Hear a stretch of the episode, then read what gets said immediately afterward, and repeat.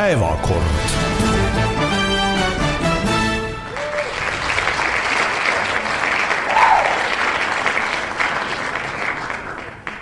Aitäh, aitäh häädele kuulajatele, järjekordne reede, järjekordne päevakorra saade ja kolmekümne viiendat äh, saatekorda tähistamas, nii et ma arvan, et väärime väikest aplausi küll, loodame, et äh, plaksutajaid ei ole ainult kolm, need, kes stuudios istuvad, Grete Lehepuu ja Indrek eh, no Indrek Riikoja ka, ma tegelikult tahtsin öelda Grete Lehepuu ja Urmas Jaagant Eesti Ekspressist ja Indrek Riikoja Maalehest. tervist, palju õnne teile, palju õnne, ma arvan, see on väga suur saavutus aga täna päevakorras prügivedu läheb kallimaks, samuti paistab, et vesi ja gaas lähevad kallimaks. mida tuleks teha Raadio kahega? eelarve pidurdamine Riigikogus algab, koolitoit läheb taimsemaks, Nursipalu leevendusmiljonid on jagatud ja loomulikult saate lõpus väikene loterii aga alustame esimese päevakorrapunktiga äh, sellest etteloetust siis äh, tagurpidi järjekorras, äh, Nursipalu. see teema on selles mõttes huvitav, et ta on nagu justkui vaidlus oli kõva ja nüüd, kui on mingid otsused, siis seda vaevu mainitakse, et mis siis nagu tehtud on ja äh, oleme nüüd saanud teada, et äh, otsustatud on siis äh, need nii-öelda hüvitusrahad või siis leevendusrahad või ükskõik, kuidas neid nimetatakse äh,, välja jagada, kaitseminister äh, Hanno Pevkur on siis öelnud, et kümme miljonit kamba peale äh, inimeste siis elukvaliteedi parandamiseks ühekordse investeeringutoetusena siis lisaks nendele muudele leevendus- või nagu talumismeetmetele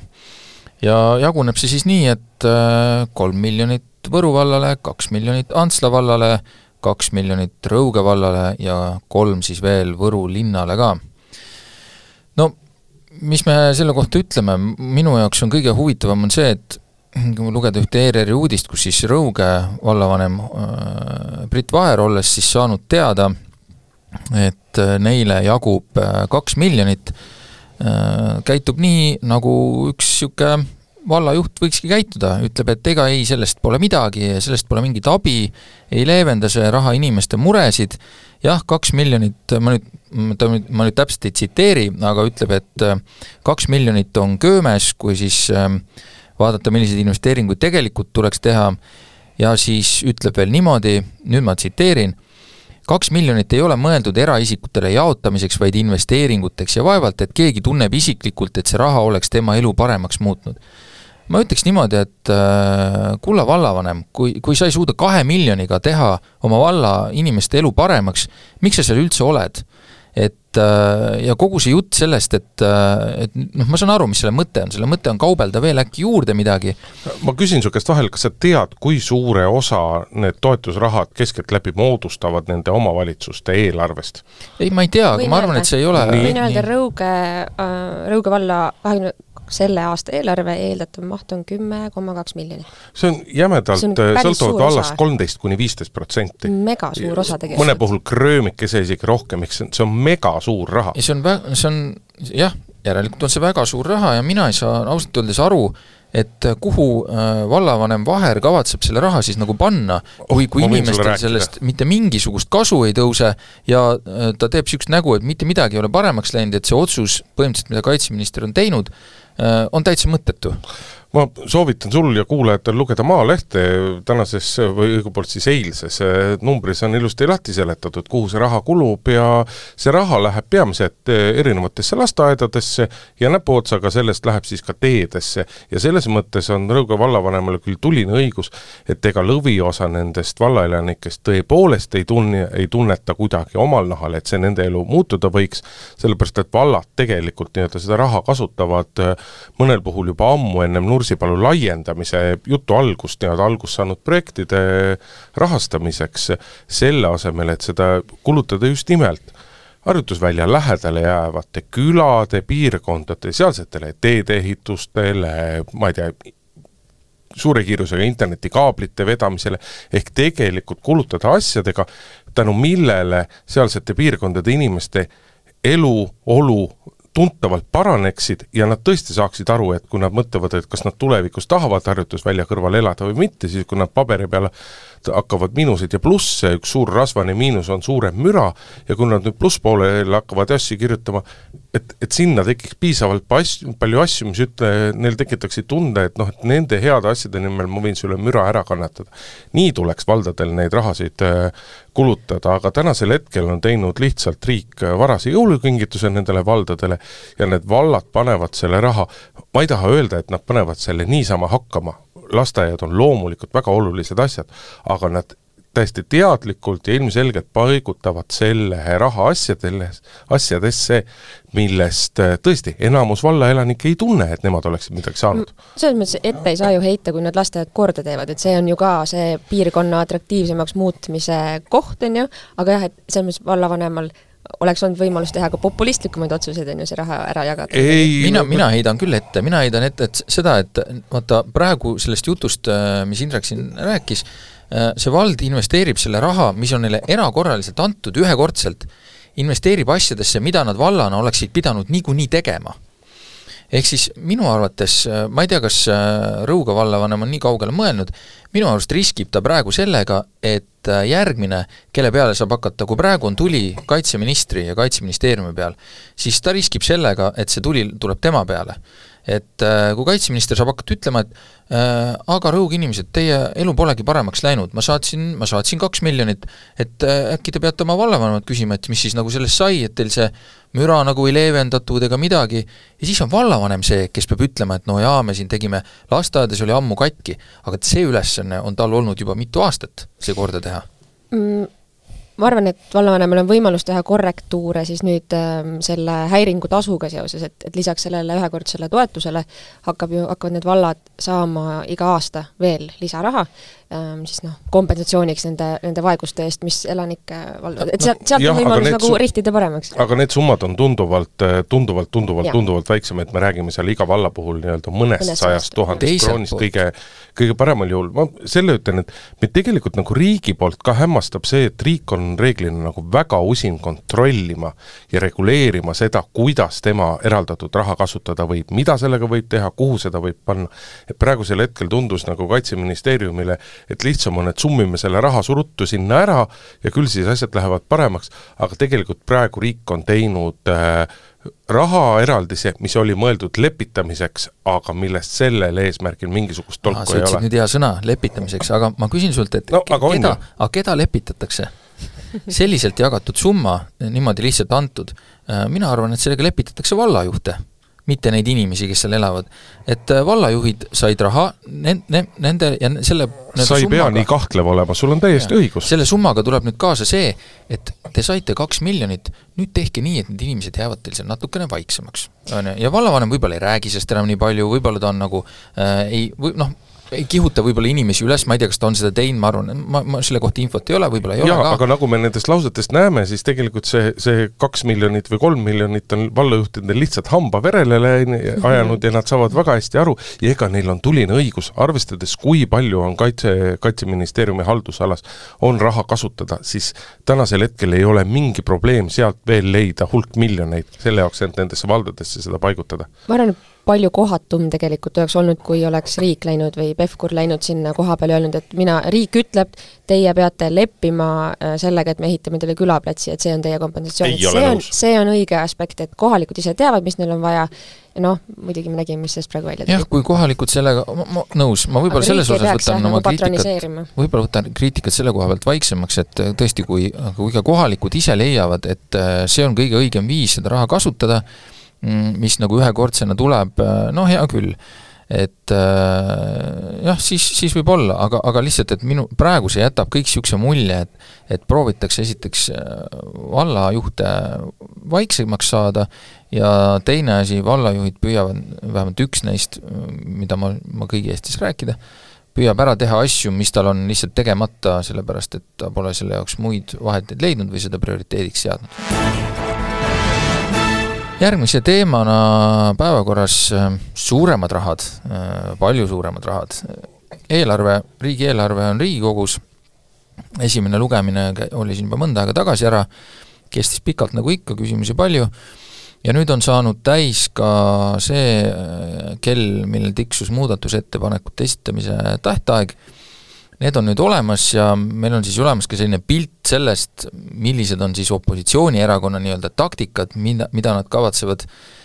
teha, et äh, seda riigieelarvet äh, noh, siis endale soodsamaks saada või siis valitsusel selle vastuvõtmist takistada. EKRE on esitanud siis äh, riigieelarvele ja sellega seotud eelnõudele, mida on siis ka päris mitu, kus on vaja teha muudatusi selleks, et eelarves kajastuvad tulud-kulud oleksid siis seaduslikud, kokku siis mingi kaks tuhat seitsesada muudatusettepanekut. Äh, Keskerakond on äh, kokku esitanud siis umbes kolmkümmend muudatusettepanekut, Isamaal seal ka,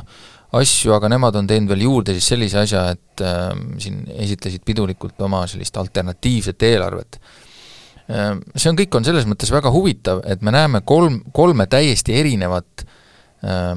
lähenemisviisi äh,, mis räägib tegelikult nende en-, nende erakondade endi kohta äh, isegi rohkem kui võib-olla nagu selle kohta, mis see eelarve on äh, või mis nad seal nagu äh, teha soovivad, et EKRE on selgelt läinud äh, obstruktsiooni peale, selles ei ole mingit küsimust, Keskerakonna ettepanekud, noh, arvestades, et Keskerakonna fraktsiooni äh, juhib äh, Tanel Kiik, siis võib arvata, et ma osasid olen vaadanud, mitte kõiki, on niisugused väga mõistlikud ja sellised noh, asjalikud. otsustasid praegu ära, mille poolt peaks hääletama? mõistlikud ja asjalikud, aga igavad ja mhm. mille, mille üle keegi väga arutada ei viitsi, sellepärast et need on noh, seal nõuab nagu süvenemist. selle kohta võib öelda ka, et äh, muudatusettepanekud on sisulised. jah, täpselt, ongi. küllap ongi, aga lihtsalt, et selle vahe on selles, et äh, Keskerakonna ettepanekud, kindlasti on nad sisulised, aga kuna lihtsalt see maailmavaade ei ole see, mis on valitsusse koondunud erakondadel, siis need lihtsalt ei sobi kaunis küsimus on nüüd ju tegelikult see, et kas kahe tuhande seitsmese, kahe tuhande seitsmesajast muudatus, muudatusettepanekust, mille nii-öelda läbihääletamine, kui me võtame aluseks, et ennem iga hääletust on võimalik võtta kümme minutit pausi, ja noh, ütleme siis kulutame minut, kulub veel selle peale, siis läheb väga jämedalt kakskümmend ja pool ööpäeva järjest, nii-öelda nonstop kuluks nende läbihääletamist. kas sellest piisab, et pidurdada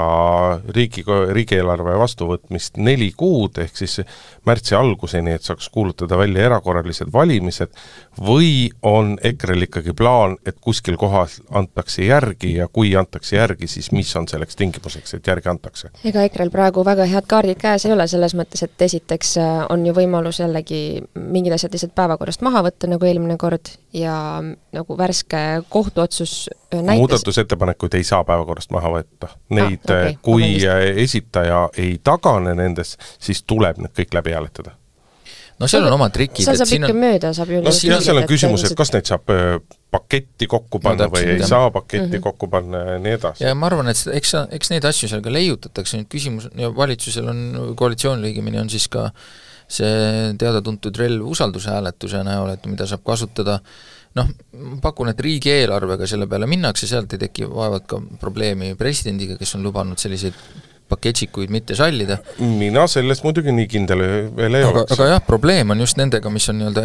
eelarvega seotud eelnõud, et äh, kuidas kuidas need näiteks Kadriorus äh, vastu võetakse, kui, kui need on Riigikogus äh,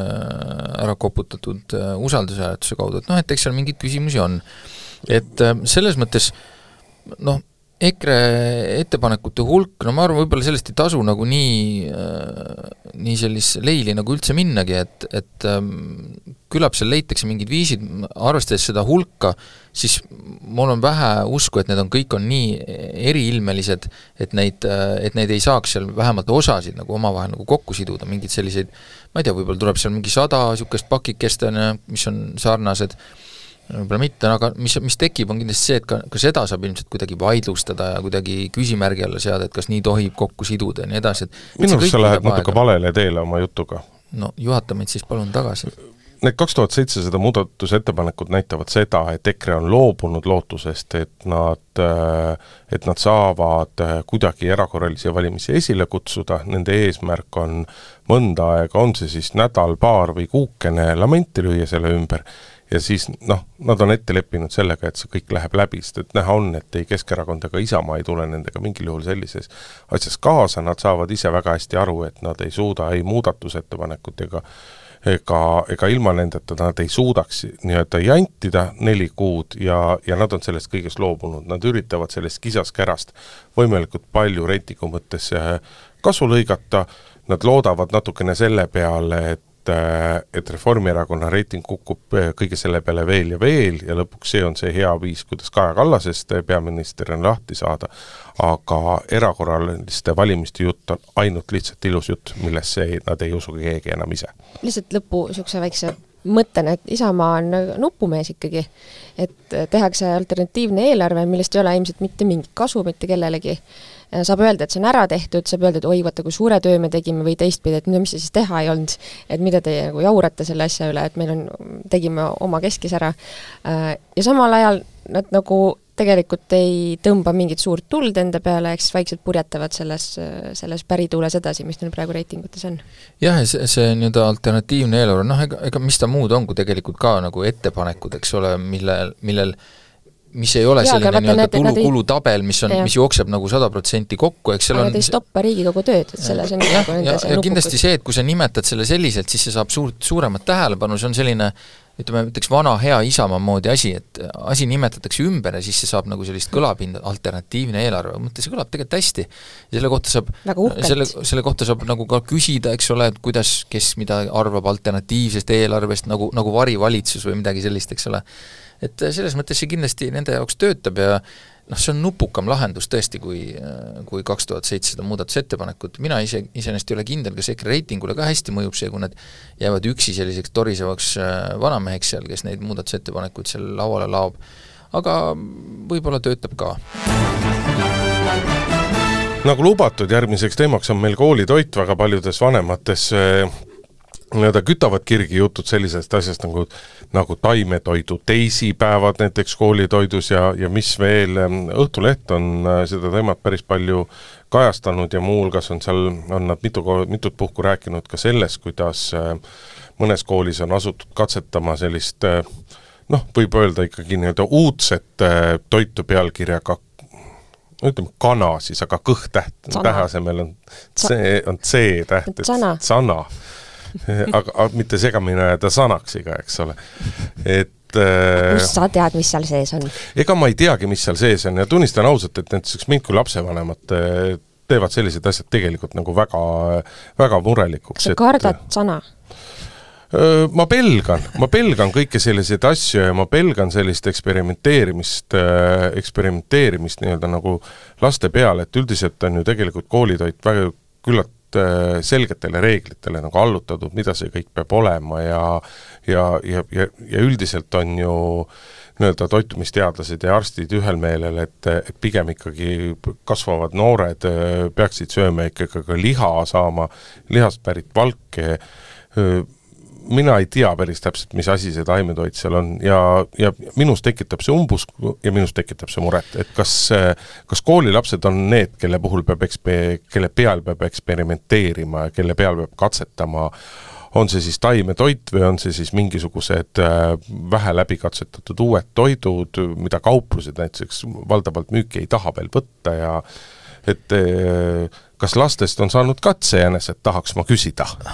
no sa võid ju küsida, mina arvan, et ei ole saanud, et see, üks asi, mis sa muidugi kohe tegid, sa põrutasid kohe äärmusesse, et et äh, kas siis lapsed nagu liha ei saa, me räägime siin nagu ühest päevast nädalas, et et äh, meie kõigi, meieealiste kõigi lemmikkoolist, eks ole, mingi piima-aedviljasupp on ju, eks ole, vist, mis sisaldas Maksa ka nagu, mina ei tea, kas seal oli, maksakaste on liha, on ju? ma tean küll inimesi, kes söövad piima-aedviljasuppi, aga ma ei tea küll masse, kes seda armastaksid no, ja ei mäleta küll, et see oleks koolis kellegi lemmik olnud. mulle meeldis see nii vähe, et ma isegi ei tea, mis seal sees oli, aga ma arvan, et seal liha küll eriti ei olnud et äh, või porgandihautis, mida mulle ka lasteaias pakuti, ei olnud seal grammigi liha, ma ei mäleta, et oleks olnud mingit suurt häda, et tegu on taimetoiduga, et et mina ei ole taimetoitlane. vaata, ajad on edasi arenenud, mina sain ka põhikoolis kolm korda nädalas oli mannapuder, eks ole, lõunasöögiks, aga ei. enam ei ole õndsad üheksakümnendate algused. ühesõnaga, ma ei arva, et oleks mingit suurt häda sellest, kui korra nädalas on toit, mille sees ei ole liha, et mis seal siis on, lapsed, kui sellest ei oleks mingit, lapsevanemad mingit kisa üles tõmbavad, lapsed ei pane tähelegi seda ei ole ma, ei ole ma sinuga muuseas üldse nõus, et kui sa neid lugusidki loed, siis seal tunnistavad lapsed ka üht- ja, ja, ja sööklatöötajad tunnistavad üksmeelselt, et et et, et, et kui on need päevad, siis ilmselgelt käiakse vähem söömas ja rohkem poes. kaks teemat nagu pannud ühte purki, et üks asi on see, et, et taimse teisipäeva all siis mingid koolid, kes on mõelnud, et okei okay,, katsetaks siis neid lihavabu lihatooteid või liha nimega, lihasarnaseid tooteid, mis, mis on tegelikult ju valk ikkagi, aga see on lihtsalt taimne valk, on see, millest see liha näoga tükk on tehtud sinna toidu sisse. ja teine asi on siis see, et kes riiklikult juba nagu hakatakse suunama või et et kui koolid teevad ettepaneku, et teeme tai-, taimse teisipäeva. Ehm, ma lugesin ka neid lugusid ma lugesin sealt välja ka päris olulise nagu konteksti info, et et koolid, kes pakuvad, on otsustanud, et ühel päeval on taimne toit et nad pakuvad alternatiivina seda ka, kus on liha ka sees. ja ma ei tea, minu jaoks ka nagu probleemi ei ole äh, ja ma olen nõus, et koolid ei peaks saama nagu mingisuguseks sellist turunduskohtadeks. et kui keegi on mingi idufirma, kes arendab välja oma noh, ma ei tea, hernest tehtud lõhet, on ju, et siis see kool ei ole ikkagi see koht, kus seda turgu testida või vaadata, kas inimestele maitseb. hakkad õigele teele jõudma oma samal jutuga. ajal, samal ajal väga hädavajalik on, et lapsed sööksid rohkem ähm, köögivilju, kaunvilju. ei vaidle. lapsed on täiesti ju selles mõttes käest ära sõltub lastest. sõltub lastest jaa, eks lapsed ähm, on ka väga pirtsakamad sööjad, eks ole aga nüüd sõltub siis sellest koolitoidu pakkujast, et kuidas nad oskavad valmistada taimset toitu. Me võime pakkuda piima köögiviljasuppi, me võime teha ka, ma ei tea, risoto, kus ei olegi liha, on ju, ja mis maitseb suurepäraselt no, ja laste jaoks on see riisiroog ja asi ei ole, kuule. No. seda muidugi, ma olen sellega hästi nõus, et, et kui sa ütlesid, Grete, et pirtsakam, tõesti on, selles mõttes, et kui se-, selle peale ma küll nüüd ei esitaks mingisugust äh, nagu põhjendatud seisukohta, et äh, lapsed ütlevad, et neile nüüd see ei maitsenud, ma, sa siin enne mainisid maksakastet, no ma tahan näha, kui palju seal sööjaid on, kui maksakaste on koolis, et äh, tõenäoliselt kui palju rauda on ja vaata, kui hea toit jah, aga tõenäoliselt ka oluliselt vähem, sest et ja. ma ei tea liiga palju lapsi, kellele mais-, maitseks maksakaste, et, et selles mõttes me võime leida mina ei teagi õigupoolest nagu lapsi, kes maksakastet ei sööks. no okei okay,, siin aga no, selles mõttes see on nagu Savisaar, kes sõitis korra trammiga, ütles, et mis te räägite, trammid on mustad, ma sõitsin ja. ühe peatuse vahel, väga puhas oli, oli. aga, aga siin, ega siin... ma tahtsingi tegelikult ju jõuda selle oma teemapüstitusega eelkõige selle peale, et kool rääkimata siis lasteaed ei saa olla niisugune katsetamise koht ja see ei tohi olla katsetamise koht. ma olen nõus, et ta ei pea olema turunduslikelt uute toodete katsetamise koht, küll aga ta peab olema äh, juurutaja või vähemalt pakkuma seda võimalust, et juurutada seda, et me sööme rohkem taimi. liha läheb muuseas kallimaks me räägime siin kõikide asjade hinnatõusudest, on ju. taimed muuseas on... ka, taimed lähevad muuseas kallimaks point jääb samaks ju.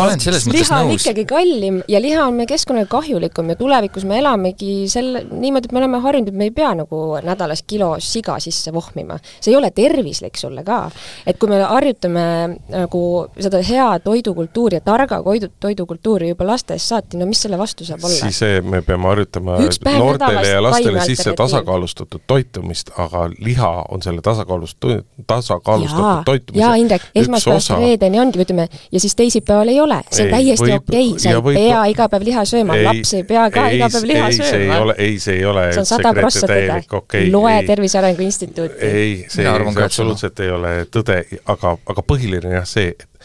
kool ja lapsed ei ole need, kelle peale hakata katsetama selliseid uusi asju no umbes sama kirglikult käib meil arutelu ka Raadio kahe programmi üle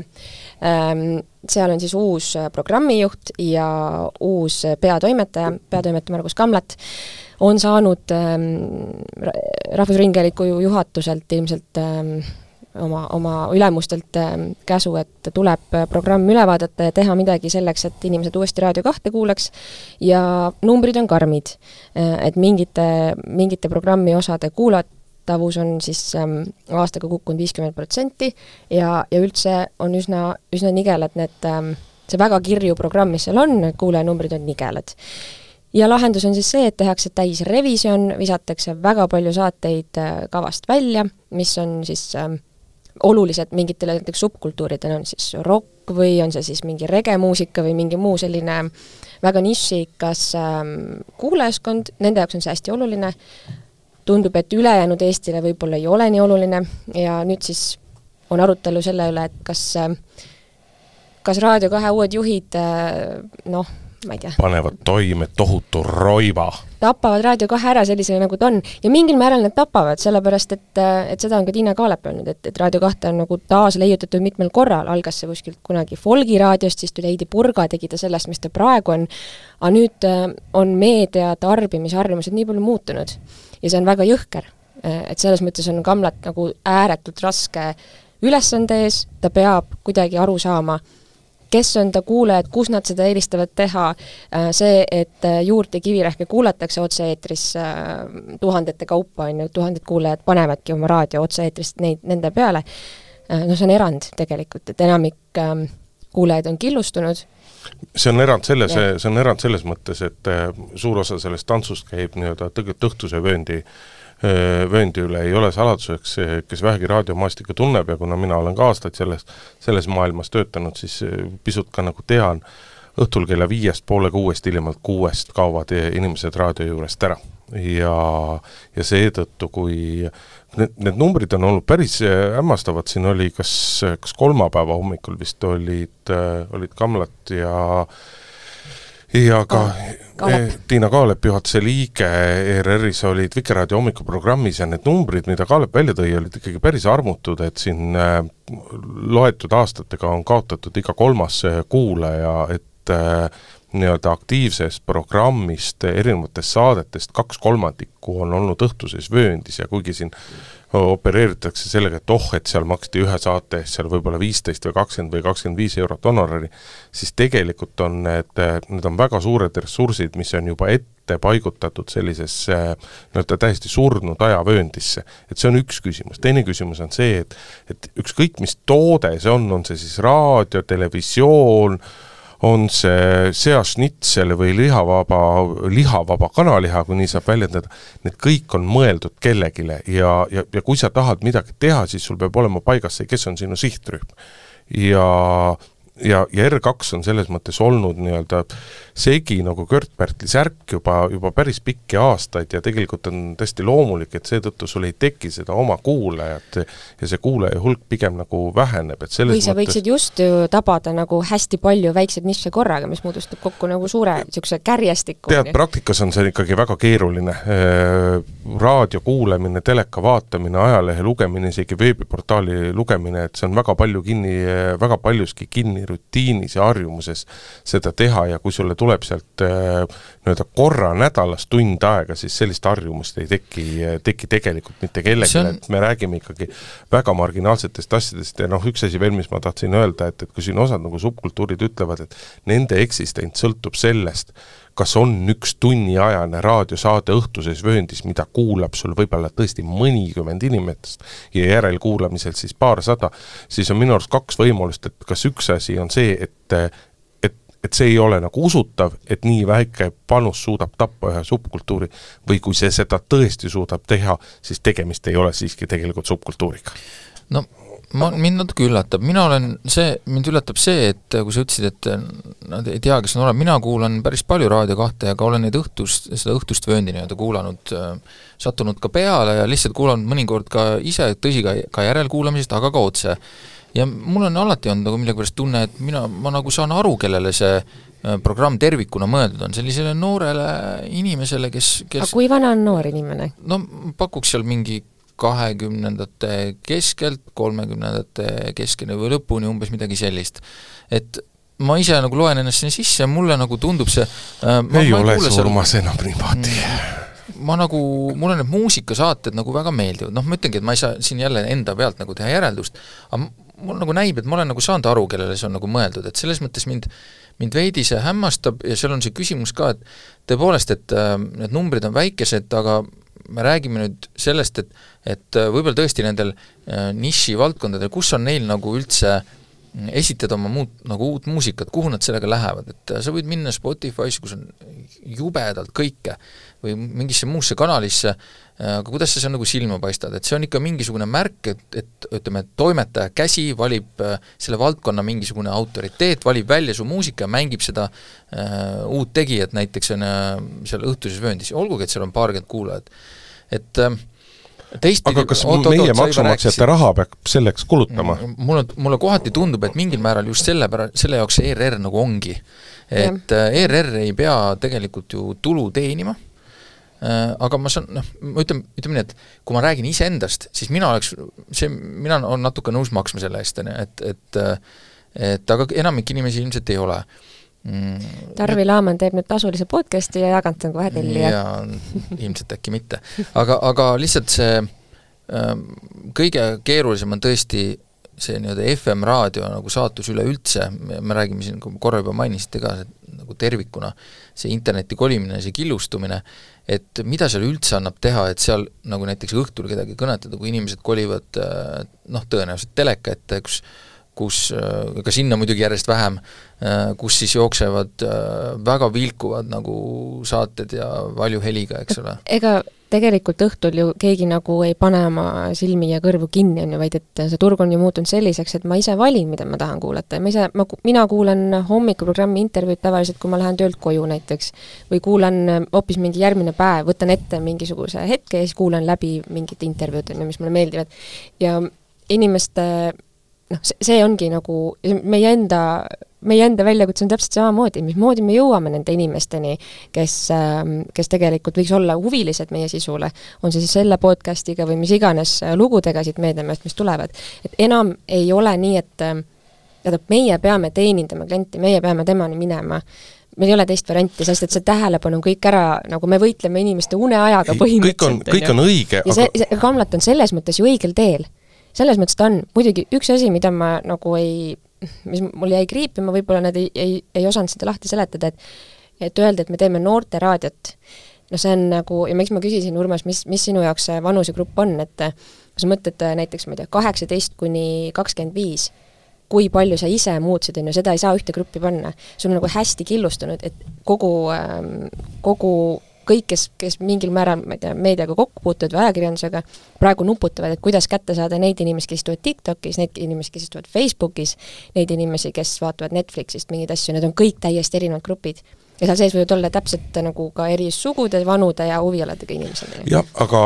päeva, aga päeva lõpuks on oluline see, et, et, et, et lühikese ajaga on väga jämedalt võttes Raadio kahe kuulatavus saja seitsmekümnelt tuhandelt in-, või saja, vabandust, saja neljakümnelt tuhandelt inimeselt pisut natukene peale nädalas kukkunud vähem kui saja tuhandele inimesele. ja see on probleem ja seda probleemi tuleb lahendada ja noh, kes, kes raadiomaastikul pikalt on tegevad, noh nemad on näinud ikkagi pikalt aastaid-aastaid seda peataolekut ja selles mõttes on see, et, et lõpuks ometi Rahvusringhäälingus ka tõsiselt tegeletakse sellega, et mis sellest R2-st saab, kuidas seda kuulajate hulka kuidagigi taastada, et seda, et seda tehakse, see on nagu väga õige mm -hmm. ja, ja ja selliste tegelikult ikkagi väga pisikeste huvigruppide kriitika ja kisa ei saa olla selleks, ei saa olla tegelikult selleks nagu kriteeriumiks, mille järgi nüüd oma otsuseid hakata langetama. minu meelest nendega peab arvestama, eriti ERR,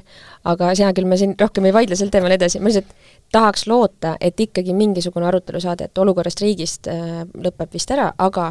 võib-olla kui see ei olnud õige formaat, äkki, kallid R2 inimesed, leidke mõni muu formaat, sellepärast et ähm, sellist ajakirjandust ja, ja arutelu ja, ja poliitikat ikkagi võiks R2 programmi jagudada? noh, vot suur küsimus, et kas selle järgi on kuulajatel selles raadiokanalis soovi või ei ole traditsioonilise reitingute jutu peab ka viimasel, viimastele nädalatele omaselt äh, ära tegema, värsked uuringud on väljas, Reformierakond on kukkunud küll napilt, aga siiski kolmandaks, Isamaa on langenud teistele, aga aga seda, aga noh, minu jaoks nagu veelgi märgilisemaks sündmuseks on see, et koalitsiooni toetus on, on sisuliselt kolmandik ainult, mis on, mis on ajalooliselt ikkagi, kui mitte kõige madalam, siis üks madalamaid tasemeid, et noh, võiks öelda, et valimisteni on palju aega ja, ja mida kõike veel, aga tegelikult see paljud koalitsioonipoliitikud muudab ebakindlaks, närviliseks ja seetõttu see nagu mõnevõrra ikkagi mõjutab poliitmaastikku. kui tundub vist, et kus ma olen üksinda sellises ma arvan küll, ma ei tea, kust sul see närvilisus välja paistab. minu meelest on suhteliselt imelik oleks, kui valitsev äh, koalitsioon äh, oleks populaarsem kui opositsioon, see on enamasti on nii, et äh, kas nad on seal üsna võrdsed või siis on ikkagi opositsioon peal, tõsi, ma olen nõus, et äh, koalitsiooni toetus on äh, nagu oluliselt kehvem hetkel, aga jah, ma seda nagu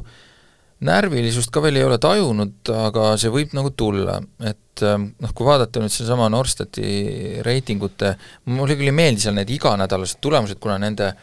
süsteem on, süsteemi nagu või selle reitingute nagu trump on see nelja nädala koondtulemused, siis siis äh, kui nendesse nä-, iganädalastesse korra nagu sisse piiluda, siis sealt paistavad jälle väikesed muutused selles suunas, et no Reformierakond on natukene ülespoole läinud, EKRE natuke allapoole, Isamaa ka nüüd juba veidi allapoole äh, ja noh, mis on, Konservatiivsel Rahvaerakonnal, jah, nendel ka veidi allapoole, et et selles mõttes selline noh, eks ta, eks, eks ta käib, nüüd on küsimus, et kas, kas see nagu pargib ennast, kas need erakondade toetused nagu pargivad ennast nendesse uutesse vahemikesse pikemaks ajaks ära või mitte, aga selleks on natuke vara veel nagu hinnanguid anda. Aga läheme selle saate pikema teemade, teema juurde ja no millest oleks veel magusam ja parem rääkima, rääkida kui ikka hinnatõusudest, hinnatõusudest ja hinnatõusudest. kliimaministeerium on välja tulnud uue plaaniga tõsta kordades äh, prügihinda, et siis sellega suunata rohkem inimesi prügi sorteerima ja seeläbi oma prügiarveid vähendama. me oleme saanud teada, et äh, gaasi hind tõuseb äh, mõnikümmend protsenti, me teame, et äh, vee hinda tahetakse Tallinnas tõusta, et pealtnäha justkui nagu erinevad asjad, aga sa- samas see hinnatõusu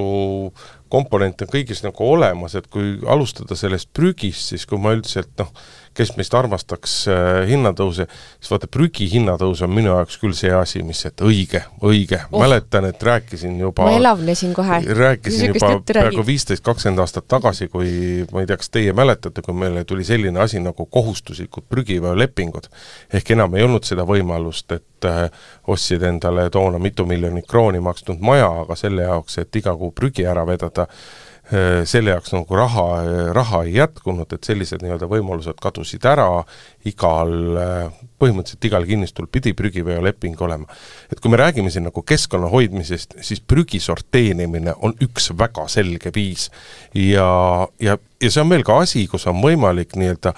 omavahel ühendada see keskkonnahoid, aga ka inimesele väiksemad kulutused, sellepärast et äh, mida paremini on prügi sorteeritud, seda rohkem muutub see, see prügi äh, toormaterjaliks, mida, mida prügivedajad on valmis inimeste juurest tasuta ära vedama. natuke minu jaoks on jah hämmastav see, et äh, vist kui nüüd see uudis tuli, siis äh, mingites telekanalites olid ka korteriühist inimesed, kes siis näitasid, aga meil on siin niisugune prügimaja, kuhu me siis nüüd need konteinerid paneme, mul nagu vajus käed rüppe ja mõtlesin, et kas nagu ei ole olnud veitsa aega selleks, et need konteinerid sinna panna, et äh, see on juba ammu olnud niimoodi, et tuleb nagu sorteerida, et mis siis, nüüd siis nagu avastatakse, tehakse, tehakse niisugust nukrat nägu, et et kuhu me nüüd need siis need kastid siin paneme, nüüd arved hakkavad sa oled natuke ebatäpne, sellepärast et vot ma ei tea, ma ei tea seda konkreetset juhust, mida sa, millest sa rääkisid, aga siiamaani on ju kord olnud selline, et prügi tuleb hakata sorteerima alates teatud korterite arvust, seal viie-kuue, See oli nelja, kortermaja viie-kuue korteriga majades ka tänasel päeval ei pea, ei ole pidanud prügi sorteerima, samamoodi nagu eramajades ei ole prügi sorteerimise kohustust siiamaani olnud. Nüüd minu jaoks teine asi, mis on, mis on võib-olla isegi olulisem, küll need konteinerid saab, aga küsimus on ikkagi see, et kas inimestel nagu tundub, et sellest midagi ka muutub, et meil on nagu liiga palju neid lugusid, kus kus inimesed kom-, lihtsalt tajudes näevad, et prügiauto küll tuleb, kõik on eri, eraldi konteinerid, aga midagi kallatakse kuskil kokku ja kuskil no see on ikka kõva müüt, mis Kus- sedasi räägib praegu. no ta Ei, Tegelikult ei kallata kokku. ei No, vot ei taha on sinuga üldse nõus olla. konteinerid erinevad, noh, töötasin lahtrid. mina varem ühes meediamajas, ärme siis hakka ütlema, millises, eks ole, sest et see meediamaja ei ole midagi selles süüdi, aga kui see, aga kui seal koliti uude kontorisse, siis olid ka nii-öelda prügikastid olid kõik eraldi ja, ja, ja aga see tõesti oli niimoodi, et kui koristaja prügikasti tühjendas, siis ta tühjendas need kõik kokku. okei okay,, olen minagi seda näinud, aga see ei, see ei peaks takistama teha seadust ümber ja see ei peaks takistama nagu ka pitsitada ja, ja väga tugevalt pitsitada prügimajandeid. jaa, mu, mu mõte, mõte ei olnudki see, et ei tasuks, et ei peaks sellepärast tegema, vaid vaid kas äh, nii-öelda see teine pool, kas riik on suutnud ka selle teise poole kaasa tõmmata, et et, äh, et kui me siin ühest poolest läheme väga peeneks nende asjadega, et, et kas kas seal teis-, kas seal teises otsas noh, et kui meil nagu piltlikult öeldes ja ma tean, et see päriselt nii muidugi ei ole, et kallatakse kõik ühte hunnikusse kokku, et kas siis inimesed nagu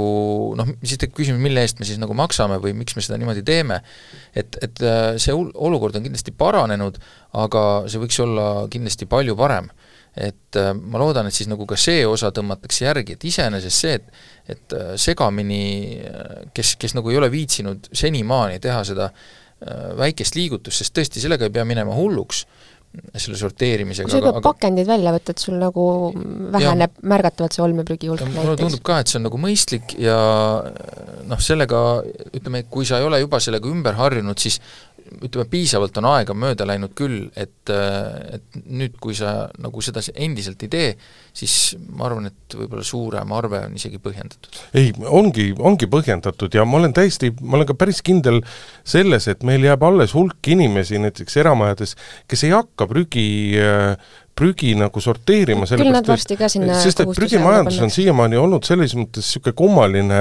kummaline valdkond, et kui ma iseenda nagu näite võtan, siis äh, meil on korraldatud jäätmevedu, kus kolme, kus viie aasta tagant nii-öelda korraldatakse konkurss, kas siis leitakse uus jäätmevedaja ja jääb vana alles, aga noh, minu enda kogemus on see, et, et viimased peaaegu kakskümmend aastat, kui see korraldatud jäätmevedu olnud on, sisuliselt selle aja jooksul prügiveo hind ei ole tõusnud, aga näituseks on tulnud see, et eh, sul prügikonteinerite eest, vähemasti meie vallas, renditasu ei küsita, et kui sul endal konteinerit ei ole, siis sulle tuuakse tasuta konteiner kohale. et, eh, et, et, et sisuliselt võiks isegi öelda, et prügivedu on kahekümne aastaga läinud nagu odavamaks ja ta ei ole jätkuvalt nii kallis, et kindlasti paljud inimesed ei saa,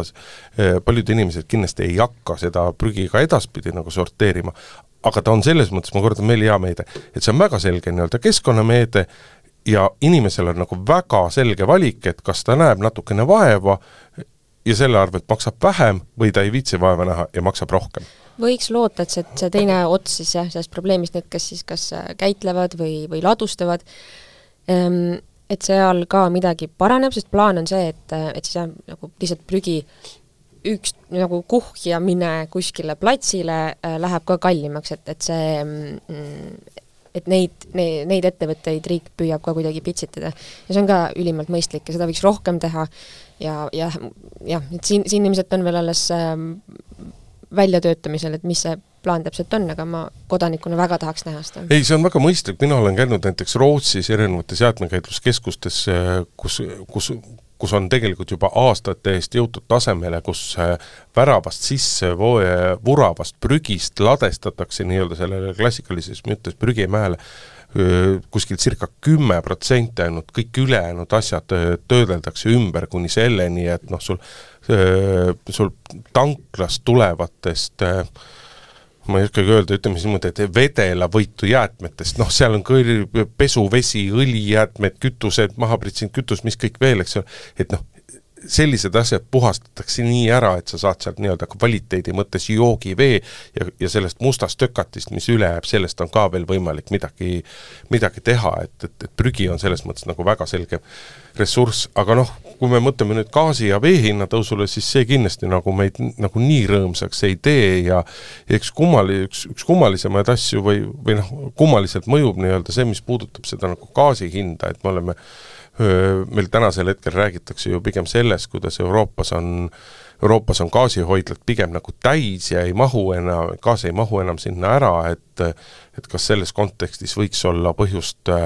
pigem nagu hinnalanguseks, sest et noh, võrreldes siin kahe aasta taguse ajaga on, on gaas muidugi nagunii jätkuvalt ikkagi hulka kallim.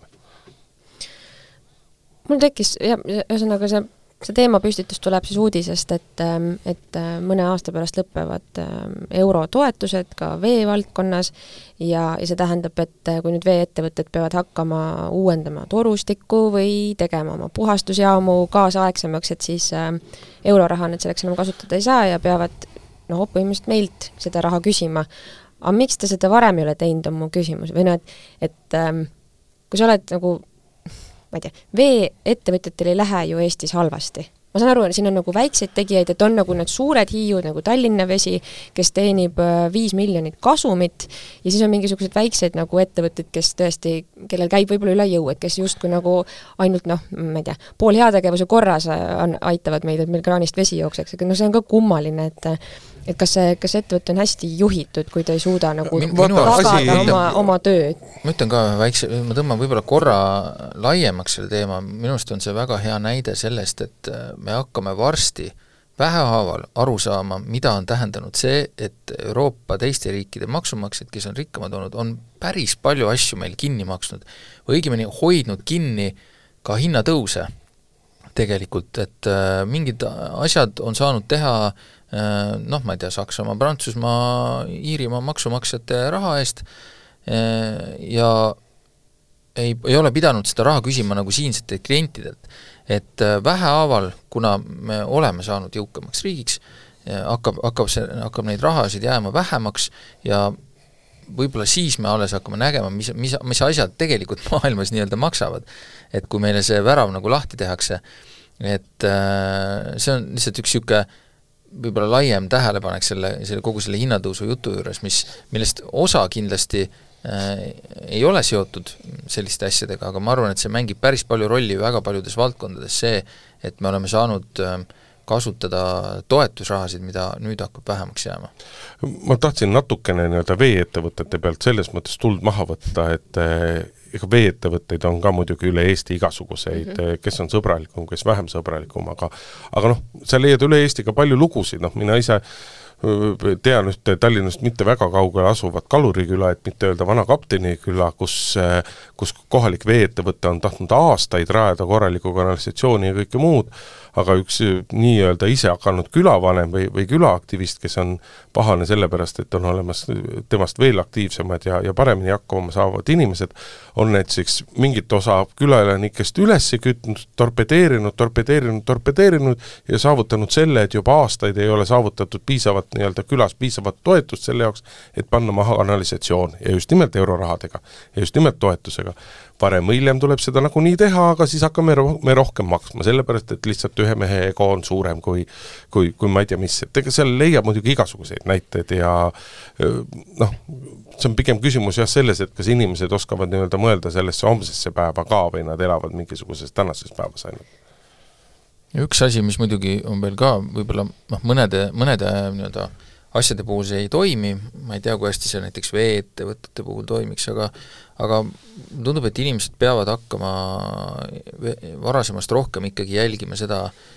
kes turul tegutsevad ja mida seal nagu pakutakse, et et me oleme ikkagi, noh mis näitab ka muidugi, et päris palju asju on olnud suhteliselt soodsad et inimestel ei ole olnud väga põhjust vahetada mingisuguseid teenusepakkujaid. no ega see vee, veeteenuse pakkujat ei saa ka nagu vahetada. no, no jaa, ma rää-, ma ütlesingi, et see nagu igal pool ei toimi, aga ma räägin jällegi natuke laiemast vaatest, et et äh, noh, eks ole, gaasipakkujat vist nagu saab vahetada, internet on kõige parem minu meelest näide.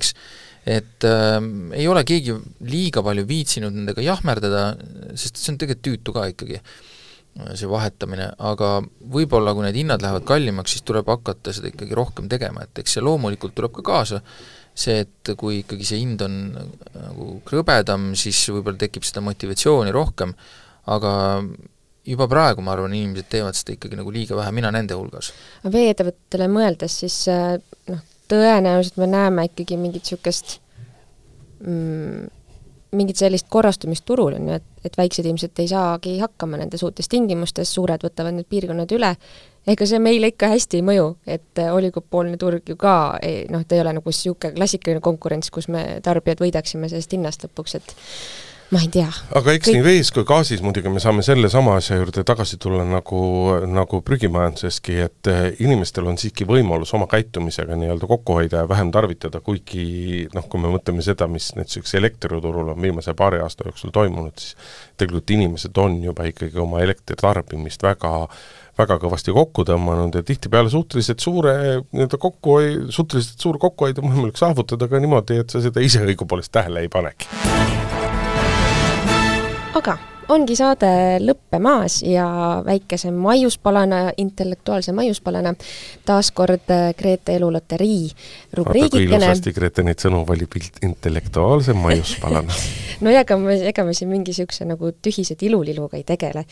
ehm, taaskord siin äh, loosirattas, miks asja nimi on loterii, on see, et äh, ma olen äh, virtuaalsesse loosirattasse sisestanud ähm, kümmekond pealkirja päris uudistest päris maailmas, seekord taaskord vaatame siis nagu välisuudistesse. Ja ähm, siis Hindrek, Urmas, olge hea, tõmmake mina tahan tõmmata, sest et Urmas tõmbas eelmine kord. ja, ja vaatame siis ähm, äh, niimoodi, vaatame kohe, kuhu jääb noolekene. niiviisi, Kanada mees püsti, Kanada, Kanada mees püstitas maailmarekordi kõige pikema suvikõrvitsa kasvatamises. noh, loomulikult küsimus siin viktoriiniks intellektuaalselt poolt, eks ole, hoida. kui pikk suvikõrvits oli siis? Oi, ma nägin mingite suurte kõrvitsate pilte, noh, need olid ikka tohutud, need olid ikka niisugused mingisugused noh, ikka, ikka kahe-kolme meetrise läbimõõt-, ei, ma saan, ma saan aru, millest sa räägid, eks ole, me rääkisime sellest ikoonist siin -hmm. Kanada meil vist ei ole endiselt äh, meeter sii-süsteemi peale kolinud no sa, sa võid ütelda jalgades ja tollides ka, ma, ma mõlemat, mõlemat vastust arvestan. Paneks siis kas prints William on kommenteerinud seda teemat? see ei või? ole, äh, see ei ole see baklažaan, vaid see on suvikõrvits, roheline niisugune. ei noh, kuulge, suvikõrvits ja baklažaan on ikka üks ja sama, et Mis tema on selle valdkonna spetsialist. Maalehe peatoimetaja, appi, sa peaks punastama praegu. ei, ma ei punasta, muuseas ma kasvatan ise igal suvel ohtralt suvikõrvitsat ja olen Sul alati püsti hädas sellega, et kes neid küll tahab ja ära sööb. mina pakun neli ja pool meetrit mhm. pakuks vähem, pakun, ma ei tea, kaks ja pool. õige vastus on siis kaheksa jalga ja nelikümmend viis tolli, mis tähendab kakssada viiskümmend kuus sentimeetrit Urmasele punkt oh,. jah, tuli niimoodi pool. Urmas, soovid sa, soovid sa ka loosiratast tõmmata? ma siis tõmban ühe korra ka.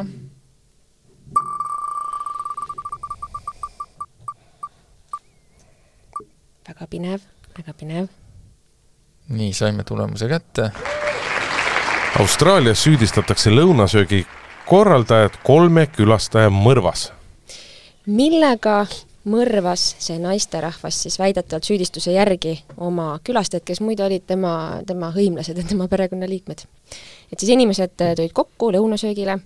ja, ja sattusid haiglasse ja paraku osa neist suri. kas tahtmatult või tahtlikult? no ta ise ütleb, et ta ei teinud seda tahtlikult sest ka tema tervis äh, sai kannatada. aa, no kui, kui nii, siis no ma oleks pakkunud, et no prokuratuur nii ei arva? ma oleks pakkunud, et teib oli lihtsalt nii kõva, et sellega võis inimestele viga teha, nendega lüües, aga sel juhul see, see muidugi alibi, tal ei päde, siis ma,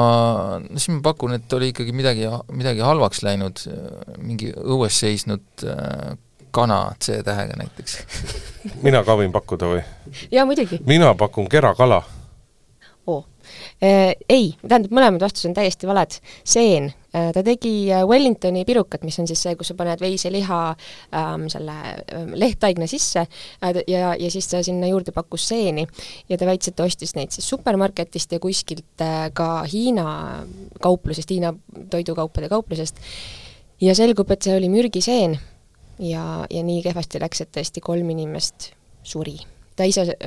ise siis tundis ka ennast väga halvasti ja ta tunne, ta ütles, et see ei olnud nagu tõsi, aga mis on muidugi, ei räägi nagu tema kasuks eriti, on see, et mõni aasta tagasi juhtus päris sarnane asi ühe tema sugulasega et ta jäi küll ellu, aga ta sai nagu ka päris ränga mürgituse. kurb, aga ma arvan, et nad peaksid ikkagi vahetama seda poodi, kus nad äh, käivad neid asju toomas, et äh, seened on üldse niisugune, mina olen seenete osas hästi ettevaatlik ja pelglik, sest et lihtsalt mulle tundub ka, et nad on natukene liiga salakavalad. Aga tõmbame siinkohal tänase saate otsad kokku, Grete Lehepuu, Urmas Jaagant, Indrek Riik olid stuudios, kuulake meid äh, Delfist, Maalehest, Ekspressist, Delfi taskust, Spotify'st, Apple'i podcastist, kust iganes veel, kust aga saab podcast'i alla laadida, igal reedel on uus saade, ilusat nädalavahetust ja kuuleme järgmine reede jälle. päevakord